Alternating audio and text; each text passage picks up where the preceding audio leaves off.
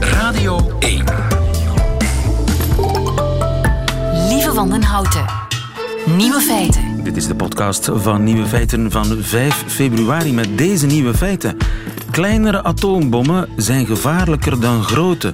Claude François heeft een verborgen Vlaamse dochter. We moeten stilaan een kruis maken over het Vlaamse kloosterleven. Honderdduizenden Grieken betogen tegen de naam van hun buurland. En iedereen is neuraal homofiel. Maar het nieuws van de dag is toch dat het maar voor te lachen was. Dat blote schilderij dat in een museum in Manchester naar de kelder moest. Omdat er te veel naakte nymfen met blote borsten op stonden. Kon niet, dat soort softporno in het MeToo-tijdperk. Het schilderij toont een mythisch tafereeltje waarbij Hylas, overigens het homovriendje van Hercules, door lieftallige nymfen toch verleid wordt om in de vijver te stappen. Wat dat met MeToo te maken heeft, weet ik niet. De jonge man is in deze het slachtoffer, denk ik. Maar hoe dan ook, na luid protest van de bezoekers van het museum hangt het schilderij weer aan de muur. Het is uit de kelder gehaald. Blijkt nu dat de hele stunt op zich een kunstwerk was. Om het debat op gang te brengen. Mission accomplished. Nieuwe feiten.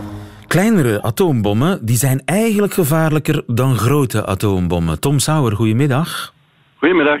De regering Trump die wil kleinere atoombommen gaan maken. Waarom eigenlijk? Ja, het is eigenlijk bizar dat Trump, die altijd de nummer één wil zijn en altijd de grootste wil Larger, hebben, bigger, huge. de grootste wil zijn en nu afkomt met kleinere kernwapens. Ja, dat is een contradictie. Of toch niet? Eh, nee, eh, ik vrees dat hij het zelf dat document niet heeft geschreven. Het gaat over de US Nuclear Posture Review, een vierjaarlijks document. Eh, en dat komt recht uit de administratie, lagere ambtenaren die dat geschreven hebben. En die pleiten dus nu voor kleinere kernwapens. Maar waarom? Maar op het eerste zicht zijn kleinere kernwapens natuurlijk minder gevaarlijk, beter. Ehm, maar het gevaar daarbij is dat, omdat ze kleiner zijn, ze sneller inzetbaar zijn. En dus dat de drempel verlaagt om die effectief te gaan gebruiken. Oh ja, ja. Dus een grote atoombom die een miljoenenstad van de kaart kan vegen. De kans dat die bom ooit wordt afgeschoten is zo klein dat die nauwelijks nog angst meer inboezemt. Ja, dat lijkt de redenering te zijn. Nu moeten daar wel een korreltje zout eh, bij, eh, bij nemen. Kleinere kernwapens, dat zijn nog altijd kernwapens met een kracht van 20 kiloton. 20.000 ton TNT, dus dat is toch vuurwerk om u tegen te zeggen. Daar kan je Antwerpen mee platleggen? Ja, dat is vergelijkbaar met de Hiroshima-bom. Ja, ja. Dus dat, dat maakt toch eh, tienduizenden, honderdduizenden doden misschien zelfs. Absoluut, absoluut. Maar het is dan iets minder ondenkbaar dat die wordt gebruikt en dus afschrikwekkender. Dat is de ja, dat is, dat is de officiële reden. Hè. Eh, ik vrees echter dat daar ehm, ja, andere redenen achter zitten. Ja. Eh, het is gewoon een systeem dat zichzelf in stand houdt. En dat geldt niet enkel voor Amerika, maar dat geldt dus voor al die kernwapenstaten. Het is een gigantisch wapencomplex. En van wetenschappers in laboratoria. eh, daarnaast privébedrijven die dus voor gigantische bedragen die wapensystemen, die nieuwe Dat wapensystemen is het aloude militair-industriële complex. Ja, dat is het, inderdaad de term die president Eisenhower in zijn afscheidsrede in januari 61 daar al aan heeft gegeven. Ik noem dat eigenlijk een nucleair spook. Hè. Ehm, die bedragen zijn gigantisch. Hè. Ik geef u één voorbeeld. De, het bedrijf dat de F-35, de mogelijke opvolger van de F-16 bij ons, bouwt, die gaat in totaal 1000 miljard dollar verdienen enkel en alleen aan de bouw van de F-35 Ja, dat, zijn, dat zijn heel veel jobs, jobs, jobs. Hè? Jobs op jobs en winst. Ja. Eh, daarnaast zijn de congresleden die dat allemaal moeten goedkeuren en die graag ook een graantje meepikken. Dus u begrijpt dat het heel moeilijk is om eh, dat systeem tegen te houden. Het vraagt echt politiek leiderschap eh, als een president of een eerste minister daarvoor wilt gaan liggen. Ja, ja. Maar acht jij Trump echt in staat om die kleinere bom daadwerkelijk dan af te schieten? Maar Ik heb eh, vertrouwen in de meeste politieke leiders, iets minder in Trump. Ehm, maar het probleem is niet zozeer dat hij bewust hè, ehm, die kernwapens zal inzetten. Ehm, oorlogen starten, starten ook soms op een manier die niet gepland is, die niet echt rationeel op voorhand uitbedacht is. Je kunt, het nooit je kunt het nooit uitsluiten. Want ja, in principe zou hij toch moeten weten dat er ook in dat geval een nucleaire vergelding komt. Dus ja, zoveel zin kan het toch nooit hebben om een, als eerste een atoombom in te zetten? Goh, uh, ten aanzien van Noord-Korea plant men nu toch eventueel uh, aanvallen, desnoods met kernwapens, om die relatief kleine aantallen die nu in Noord-Korea uh, bestaan, in één klap uit te schakelen. Dat, is een risico dat men zou kunnen nemen. Ik denk dat men dat risico niet zal nemen, maar men dreigt er wel mee. Plannen worden gemaakt en uh, met die wapensystemen worden geoefend, trouwens ook in ons land. Ja, kleinere atoombommen zijn gevaarlijker dan grote. De wereld wordt er zeker niet veiliger op. Dankjewel, Tom Sauer. Nieuwe feiten. Coucou de France. Met Alex Visorek. Om de maandagblues te verdrijven, niets beters dan naar Parijs te gaan, naar mijn Frans Inter-collega Alex Visorek om bij te praten over de toestand in Frankrijk. Bonjour Alex. Bonjour. Alex, wat gebeurt er? Alex, Alex, Alex, ça va? ça va. Deze week starten we met muziek. U heeft het misschien herkend, dat is Claude François of Clo-Clo, het Franse idool. En zelfs meer dan een idool, een icoon. De Clo-Clo-mania was een soort Frans Beatlemania. Tientallen duizenden hysterische meisjes hielden op elke concert. En beeld u de shock die kwam 40 jaar geleden toen dit op het nieuws te horen was. Le chanteur qui allait avoir 40 ans est mort de l'accident le plus stupide qui soit. Il est mort électrocuté. Il est 15 heures. Claude François quitte sa terrasse où il profite des premiers rayons de soleil de l'année. Il a chaud, il se rend dans la salle de bain. Là, une ampoule marche mal. Claude François essaie de la changer en il s'écroule. Ja, de manier waarop ook. hè. De manier waarop. Dat is ook een deel van de mythe. Jong overleden door een lamp te vervangen in zijn bad. Eh, de bijnaam van Gilbert Bécaud was meneer 100.000 volt. Claude François was meer meneer 220 volt. maar uh, grappen over elektriciteit, stroom en elektrocutie doen humoristen vaak met Claude François. Ik zal proberen om er niet meer dan drie te doen vandaag. Oké. Okay. Uh, 30 jaar geleden zaten veel meisjes met Claude François in hun hoofd en ook blijkbaar in hun bedden, want Clo-Clo had wel een geheim. Quand il s'éteint le 11 mars 1978, le dernier pharaon emporte pourtant avec lui un secret qui ne figure dans aucune biographie. Un secret qu'il pouvait difficilement ignorer et qui porte un nom, Julie. Ik ben op mijn twee maanden. J'ai été adoptée à l'âge de deux mois. Ik hoorde toch iemand Nederlands? Ik ben op ja, mijn twee... Julie? van Vondel. Ja, Julie. Claude François had een dochter zonder dat iemand het wist. Een verborgen dochter? Ja, en ze kwam uit Vlaanderen. Uh, Claude François heeft een band met Vlaanderen en dat verklaart misschien enkele dingen als u hoort...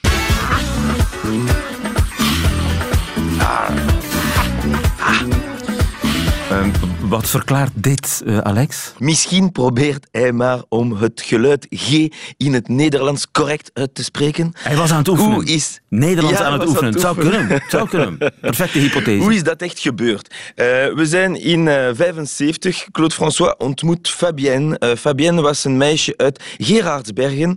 En samen hadden ze een relatie. En Clo-Clo heeft wel de stekker in de stopcontact gestoken. dat is de tweede elektrische metafoor. en uh, dus na alle zijn albums te kopen, kocht ze ook een baby van hem. En die baby wilde ze niet. Dus werd Julie door een Vlaamse koppel geadopteerd. Wij dachten dat Claude aan zijn hele familie dacht als hij zong. Je bâtirai une ferme, une branche et une barrière. En j'y mettrai mon père, ma mère, mijn frères et mes sœurs. Eh, maar hij, hij vergat iemand. Hij vergat zijn verborgen dochter. Voilà. Mon père, ma mère, mes frères et mes sœurs et ma fille cachée. Maar dat rijmt niet. maar er is iets die genant is voor Clo-Clo. En voor iedereen nu ook. Clo-Clo ontmoet uh, eigenlijk Fabienne als ze 13 was. En ze werd dan moeder toen ze 15 jaar Oef. oud was. Ja, oei, oei, wij wisten al uh, wat Claude François over Meisjesdag. elles sont toutes belles, belles, belles comme le jour. Bel, bel, bel. Bel, bel, bel, comme le jour. Ze zijn allemaal mooi, mooi, mooi als de dag, maar niet de hele dag waarschijnlijk. Vooral s ochtends, blijkbaar. De liefde van tienermeisjes voor Clo-Clo eh, was bekend. Deze weekend verscheen dat uh, een stukje interview terug. J'aime ou jusqu'à 17, 18 ans. Après, je commence à me méfier. Bon, je, Dieu seul sait si j'ai des aventures au-delà de 18 ans, bien sûr, heureusement. Mais après 18 ans, je me méfie parce que les filles commencent à réfléchir, elles, elles sont plus naturelles, etc. Ça commence même Ja, ja, die koddige jaren 70 toch, hè? Ja, ja, ja. Hij had een meisje onder 18, want ze denken nog niet veel na. Uh, dat is eigenlijk tegen de stroom ingaan. Ja, dat is de, uh, niet de elektrische stroom, dat is mijn derde grap. Ja. Maar uh, nu, het meest betekenisvolle liedje van Claude François is misschien Le Téléphone Pleur. Een liedje waar hij belt naar een klein meisje dat niet weet dat hij zijn vader is. Als Julie naar ons luistert. Écoute, maman est près de toi. Faut lui dire, maman, c'est quelqu'un pour toi. Ja. C'est quelqu'un pour toi. C'est Claude François die belde. Ja, Claude en uh, zijn toch wat bizarre verhouding met uh, meisjes die aan de jonge Inderdaad. kant zijn. Ja, ja, ja, ja. ja. 40 jaar... Balance ton Claude. Balance ton Claude. Zeer mooi. Dankjewel. Alex Vizorek Bedankt. in Parijs voor ons. Goedemiddag. Ja. Regarde ta montre, il est déjà 8 heures. Embrassons-nous tendrement. Un taxi t'emporte, tu t'en vas mon cœur, parmi ces milliers de gens.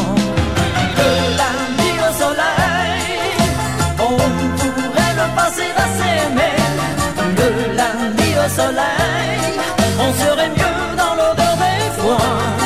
On aimerait mieux cueillir le raisin, ou simplement ne rien faire.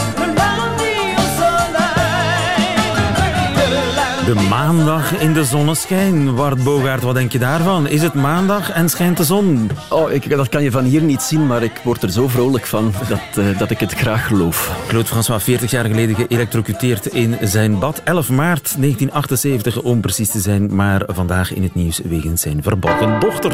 Nieuwe feiten.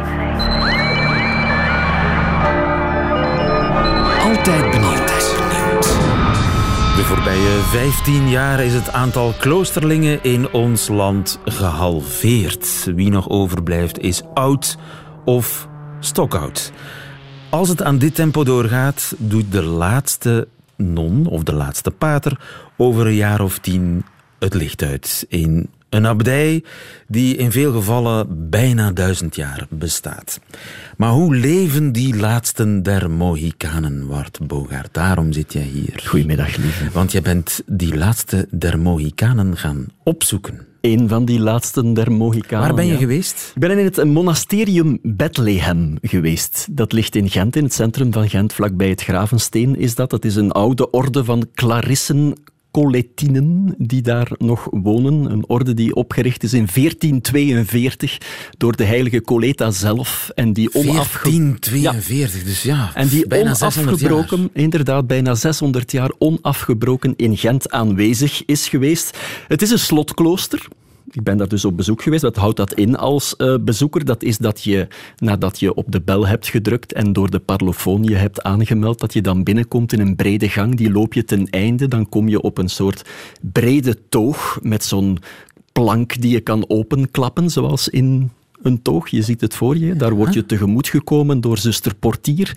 En die wijst je naar een bezoekersruimte waar zuster Cecilia, waar ik mee had afgesproken, waar zuster Cecilia je dan tegemoet komt. En dat is een ruimte, een kleine ruimte met zes van die kerkstoelen. Er staat ook opnieuw weer een brede tafel, een brede toog in het midden, met daarop een soort hekwerk. Ik zou het bijna tralies durven ah ja, want noemen. je mag niet met die slotzuster in één ruimte zijn. Zij zit achter tralies. Wel, je zit in één ruimte, maar er zitten inderdaad tralies tussen. En uh, ja, zo, zo gaat het daar. Je komt niet dichter in de buurt uh, bij, die, bij die zuster. En ik, ik, heb, ik was verrast natuurlijk om dat te zien. En ik vroeg haar, maar zuster, waarom moet dit zo met die tralies? Het zijn dus um, staven, maar u ziet, er kan er gerust een dienschaaltje door of iets of zo. Het is symbolisch.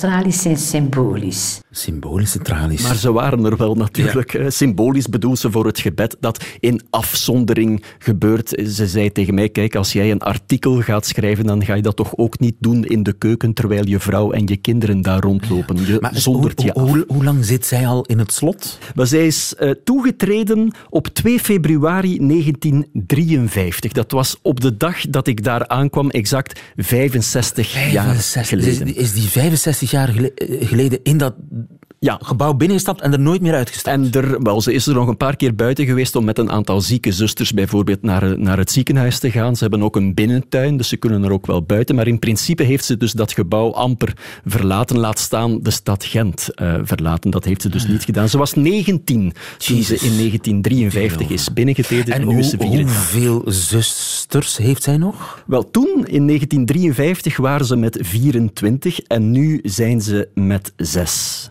Twee beneden de 80, drie tussen de 80 en de 90 en één boven de 90. De laatste buitenzuster, want dat is een, een onderscheid dat vroeger werd gemaakt tussen buitenzusters die wel nog Ja, ja. contact hadden met de wereld en binnenzusters. Wel, de laatste buitenzuster is 20 jaar geleden al overleden. Dat is al een afgelopen Dat is al een afgelopen hoofdstuk. En in 2003 is er nog één intrede geweest van een jonge vrouw, maar die heeft het eh, maar vier jaren volgehouden. Dus die is daar toen vertrokken. En dat stemt helemaal overeen met de cijfers die Kerk en Leven vorige week heeft uitgebracht. Hè. Nog ongeveer 6000 religieuzen zijn er. 15 jaar geleden waren er meer dan het dubbele.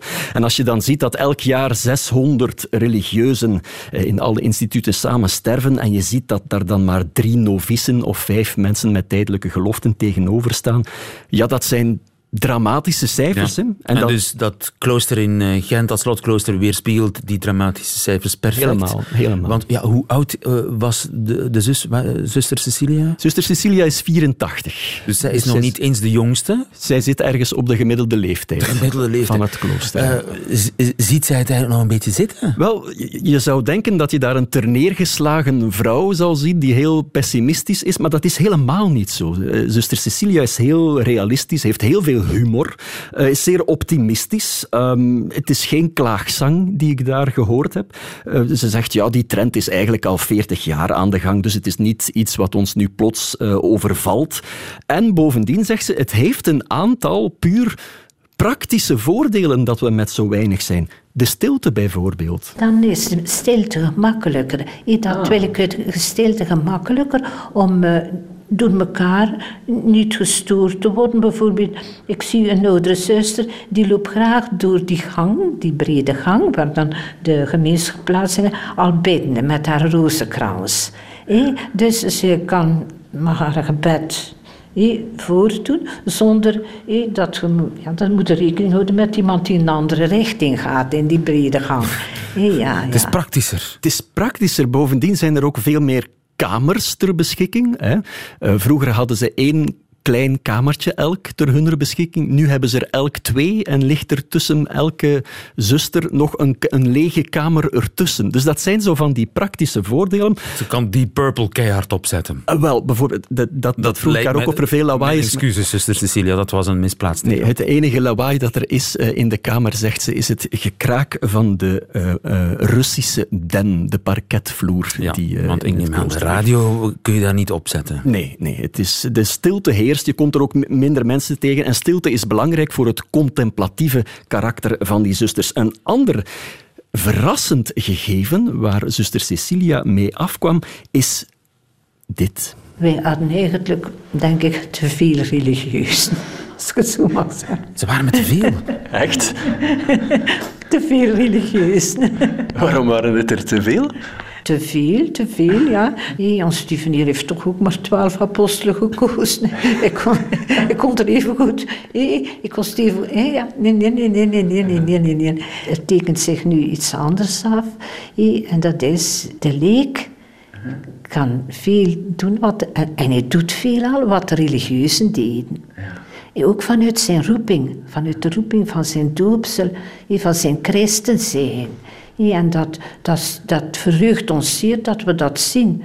Een blije Cecilia. Een blije Cecilia. De leek neemt een heleboel dingen, een heleboel taken over van de kloosterzusters en dat wordt toegejuicht. Bovendien zegt ze, in de tijd in de jaren 40, toen er een ware explosie was van roepingen, toen belanden veel mensen eigenlijk om de verkeerde reden in dat klooster. Het was een soort prestigezaak om iemand in de familie te hebben die een kloosterling werd. En dat was misschien niet altijd de juiste reden, terwijl dat iemand die er nu voor kiest om dat leven te gaan leiden, veel reinere, eerlijkere uh, bedoelingen heeft. Maar zuster Cecilia, die het dus zeer goed naar haar zin heeft, die gaat nog een stapje verder. Ze zegt, stel nu, en dan krijg ik daar zo'n uh, Sound of Music-achtig beeld bij, stel nu dat hier een jonge vrouw met haar koffertje aan de deur zou staan en die zegt, ik wil intreden.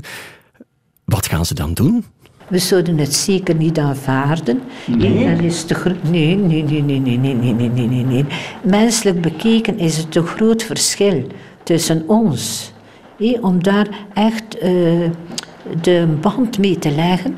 Een meisje dat uit deze maatschappij komt en hier dus bij die zusters intreedt.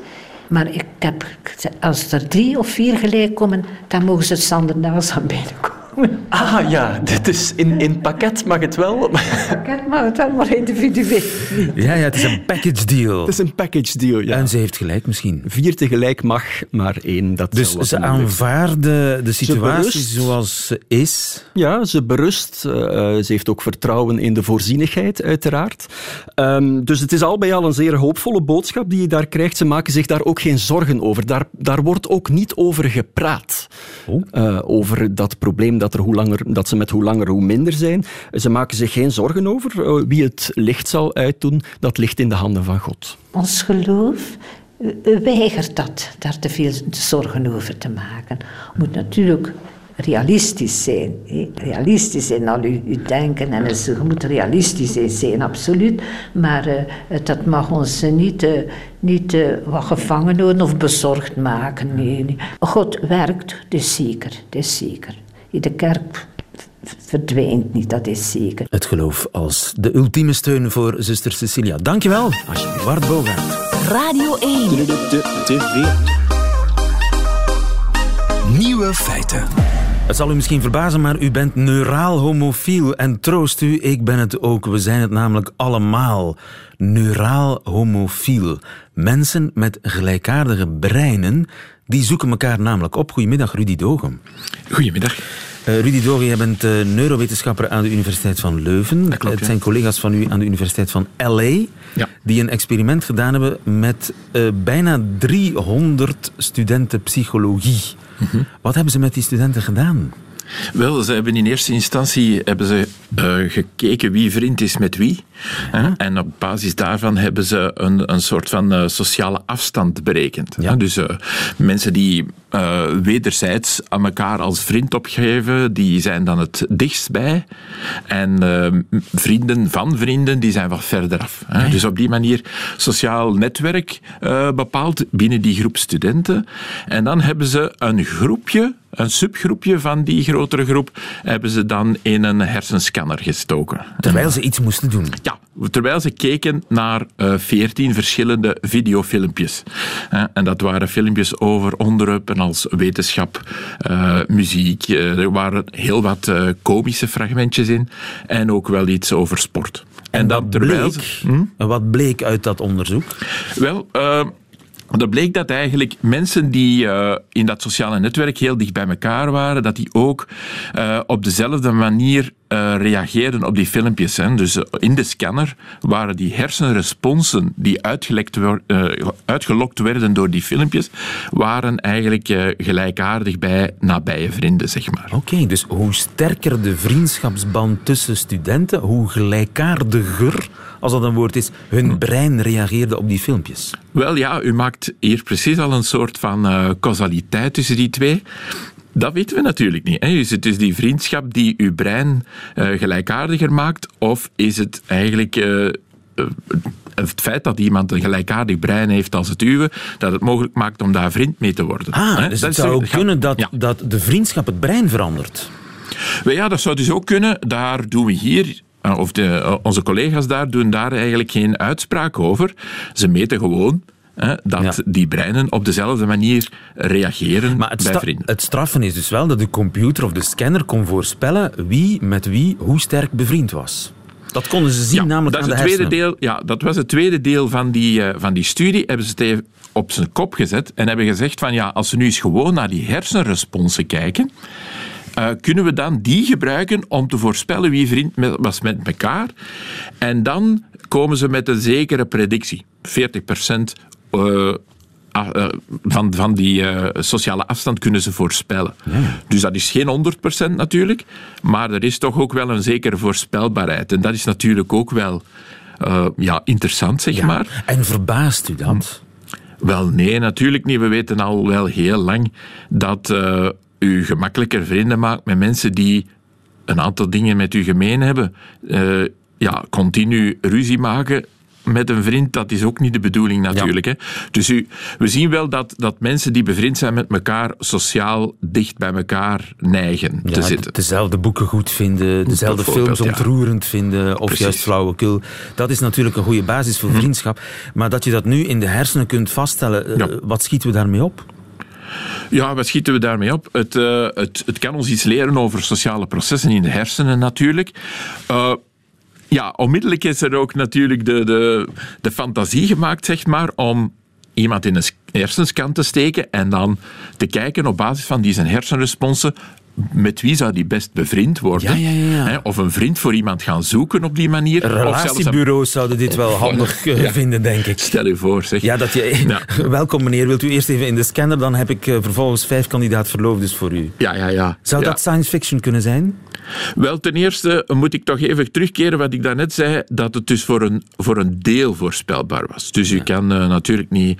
dus het is wat beter dan gewoon eh, naar iemand kijken en zeggen van ja, we denken dat u misschien met die... Dus het is natuurlijk dan wat voorspellender om ook naar de hersenresponsen te kijken, maar het is ook niet, eh, niet zo heel conclusief. Ten eerste. En ten tweede, ja, of u bevriend wordt met iemand, dat hangt ook natuurlijk wel van heel wat andere contextuele eh, factoren af. Hè, dus van de omgeving af. Onder welke omstandigheid hebt u iemand eh, leren kennen? Ja, natuurlijk. Dat kan soms ook een band scheppen natuurlijk. dat Venetië kan helpen. Bijvoorbeeld, hè, als Ja. je in Venetië bent. Rudy Dogen, dankjewel. En ik heb een woord bijgeleerd. Neuraal homofiel. Nieuwe feiten. Gisteren in het journaal. In de Griekse hoofdstad Athene hebben naar schatting 150.000 mensen betoogd tegen het gebruik van de historische naam Macedonië door hun buurland. 150.000 betogers in Athene tegen de naam van een buurland. Servas Vangelis, goedemiddag. Goedemiddag. U bent van de VZ2 Griekse gemeenschap in Genk. U bent een Griek. Ik ben niet van de Griekse gemeenschap, maar ik ben dus een van de Griekse gemeenschap, maar ik ben niet, laten we zeggen... Oké, u bent een Griek in Limburg, laten we het daarop houden. Dat is juist. Eh, Macedonië is een provincie in Griekenland, maar Macedonië Ja, ja. is ook een land, een onderdeel van het voormalige ja. Joegoslavië. Klopt. Een naamkwestie die eh, al, bijna jaren sleept, al 30 jaren jaar tot spanning tussen 30 jaar, Athene en Skopje. Nu, het land Macedonië wordt onder die naam erkend door eh, onder andere Amerika, China en Rusland. Maar Europa die houdt het voorzichtigheidshalve op de voormalige Joegoslavische Republiek Macedonië. Dat klopt, ja. En nu zijn er onderhandelingen begonnen om een definitieve naam te kiezen. Dat, zou, dat is een tantallen zaken, dat zou lang moeten opgelost zijn, dat Ja. klopt.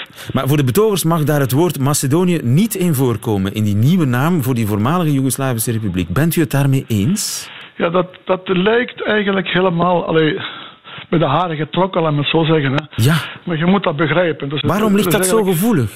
Het ligt gevoelig om, ik denk, eh, laten we zeggen, het zijn, ik ga u zeggen, er zijn twee groepen, grote groepen, laten we zeggen, ik ga de nationalisten er buiten laten. Die zullen altijd zeggen van, kijk, eh, dat mag niet enzovoorts, eh, dat eh, Macedonië is van ons enzovoorts. Dat zijn de nationalisten, dat is een kleine minderheid in Griekenland. Maar laten we zeggen dat eigenlijk over het algemeen de Grieken een beetje verveeld mee zitten. Hè. Dat is begonnen met Tito, die naam is gekomen 30 jaar geleden, 50 jaar geleden. Tito heeft die naam geïntroduceerd. En toen hebben de Grieken niet gereageerd in Joegoslavië. Want die- dat provincie bestond niet als zodanig. Tito heeft die, die stukken Joegoslavië, heeft dat de naam eh, Macedonië gegeven. Niemand ja, dat, was in de jaren naam is dat 60 of gegroeid. 70 of zo, ja, dat Tito ja, dat toen, gedaan ja. Maar dan heeft, is, dat, dan is dat begonnen, die mensen hadden niet dat nationaliteitsgevoel van Macedoniër te zijn. Hè. Do- Door de jaren heen, door het onderwijs en zo, zijn die mensen, laten we zeggen, geïndoctrineerd en zijn het Macedoniërs geworden. Maar dat zijn helemaal geen Macedoniërs. Ja, het is te zeggen, die mensen die daar wonen, wat noem je Macedoniërs? Kijk, als ze zich claimen, als ze claimen, en dat is juist wat de, de Grieken stoort, ze claimen dat zij de erfgenamen zijn van Alexander de Grote, en ze hebben bovendien niet recent, dat is niet zo lang geleden, eh potsierlijk, eh, met zeer nationalistische reflexen, een enorme standbeeld geplaatst van Alexander de Grote in het midden van het plein. Dat, en ook andere dingen. Ze Dus stelen ze zelfs Alexander veel- de Grote. Ja, ja, het grootste standbeeld van Skopje recent. Hè. Ik zeg je, dus die hebben, die hebben een enorme nationalistische reflex en dat stoort de Grieken. Je mocht natuurlijk de geschiedenis vervalsen hè, en zeggen van kijk, we zijn de erfgenamen van Alexander de Grote, maar Alexander de Grote, de- zowel de graven van die koningen als, als de, hun hoofdplaats, als hun heilige plaatsen zijn in, in Macedonië, zijn ze in Griekenland. Je? Nee, Dus wij zitten daar natuurlijk naar te kijken. Op zich op zich is dat misschien niet zo erg, maar die hele nationalistische discours daar rond stoort eh, de Grieken een beetje. Algemeen, hè, begrijp je? Maar hebben de Grieken geen andere problemen dan? Dat is inderdaad, je- je moet met een buurland, ik begrijp het, er moet een oplossing komen, hè, sowieso. Hè. Hoe die oplossing moet zijn, dat moeten politiekers oplossen, dat moeten wij niet op straat gaan oplossen, hè, begrijp je? Ja. Hè, dus dat, er zou dringend een oplossing moeten komen, na, na zoveel jaren. Het is voor ieders belang. Hè. Maar natuurlijk, het gevaar, je weet, eh, de Balkan, dat is niet lang geleden dat er nog oorlogen gevoerd zijn, dat er... eh, Ja, de Balkan. is. Dat is een, De een kruidvat, hè, dat weten we. Kruidvat. Dus als jij een land zich Macedonië laat noemen en, en, en, en zo door het onderwijs en zo opgehitst wordt als het Macedoniërs zijn. En dan te bedenken dat Zuid-Macedonië, hun Macedonië, in Griekenland zit. Hè, wat van hen is, ja, dat zijn gevaarlijke toestanden. Hè. Gevaarlijke toestanden en we weten hoe diep het zit, eh, hoe hoog de emoties kunnen oplaaien. Ja, want is 150.000 betogers in Athene gisteren. Dankjewel in eh, Limburg voor ons Servas Vangelis. En daarmee heeft u alle nieuwe feiten gehad van vandaag, behalve die natuurlijk eh, van Nico Dijkshoorn over naar Leiden. Nieuwe feiten. Middagjournaal. Beste luisteraars.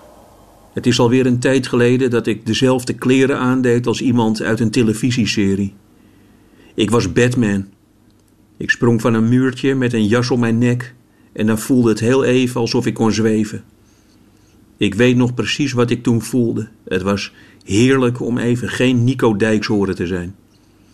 Nico Dijkshoren, dat was een wat bange jongen die tijdens het schoolzwemmen huilend met een plastic bandje om zijn middel stond te wachten tot hij door een vrouw aan een haak door het water werd getrokken. Maar dat alles, dat verdween als ik mijn jas over mijn schouders liet hangen en de herkenningsmelodie van Batman zong. Batman was in 1967 nog een acteur met een dikke buik over zijn gele riem heen. Maar daar gaat het nu even niet om. Het ging om de transformatie dat ik alleen door een hangende jas op mijn rug veranderde in iemand die sneller holde en iemand die alles durfde. En ik moest daaraan denken toen ik woensdagavond achter de schermen bij De Wereld Draait Door de Belgische presentatrice Bo van Spilbeek zag zitten eten. Voorheen een man, nu een vrouw. En ik moet eerlijk zijn, ik zag de transformatie. Er zat een vrouw naast mij met mannelijke trekken. Maar daar ken ik er wel meer van. Mijn tante Saskia, die tilde aan het eind van een feestje haar man, oom Bob, boven haar hoofd en ze smeet hem als een zak rijst in een hoek. En toch was tante Saskia een van de mooiste vrouwen die ik heb gekend. Als het de mannen niet lukte, dan draaide zij deksels van potten appelmoes af. Het gaat hierom. Ik zag de worsteling bij Bo. Aan een tafel zitten, zelf weten dat je nog iets te veel op een man lijkt, en dan toch aan miljoenen mensen vertellen dat je zo ontzettend gelukkig bent. Het ging woensdag eigenlijk vooral over dapperheid. Dat je durft te vertellen hoe je je werkelijk voelt. En ik zag, toen Bo aan het woord was, vlak naast Matthijs van Nieuwkerk, hoe zij opeens veranderde in iemand die alles durfde. En ik zat in de studio. En ik luisterde naar haar verhaal. En ik neuriede, heel zachtjes. Batman. Na na na na na na na na Batman. Ik had opeens zo ontzettende zin om ergens op te klimmen.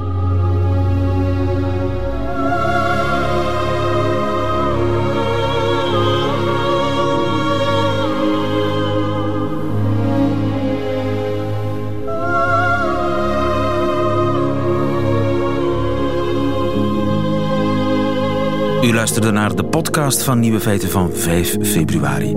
Wilt u nog meer podcasts? Geen probleem, radio1.be slash podcasts.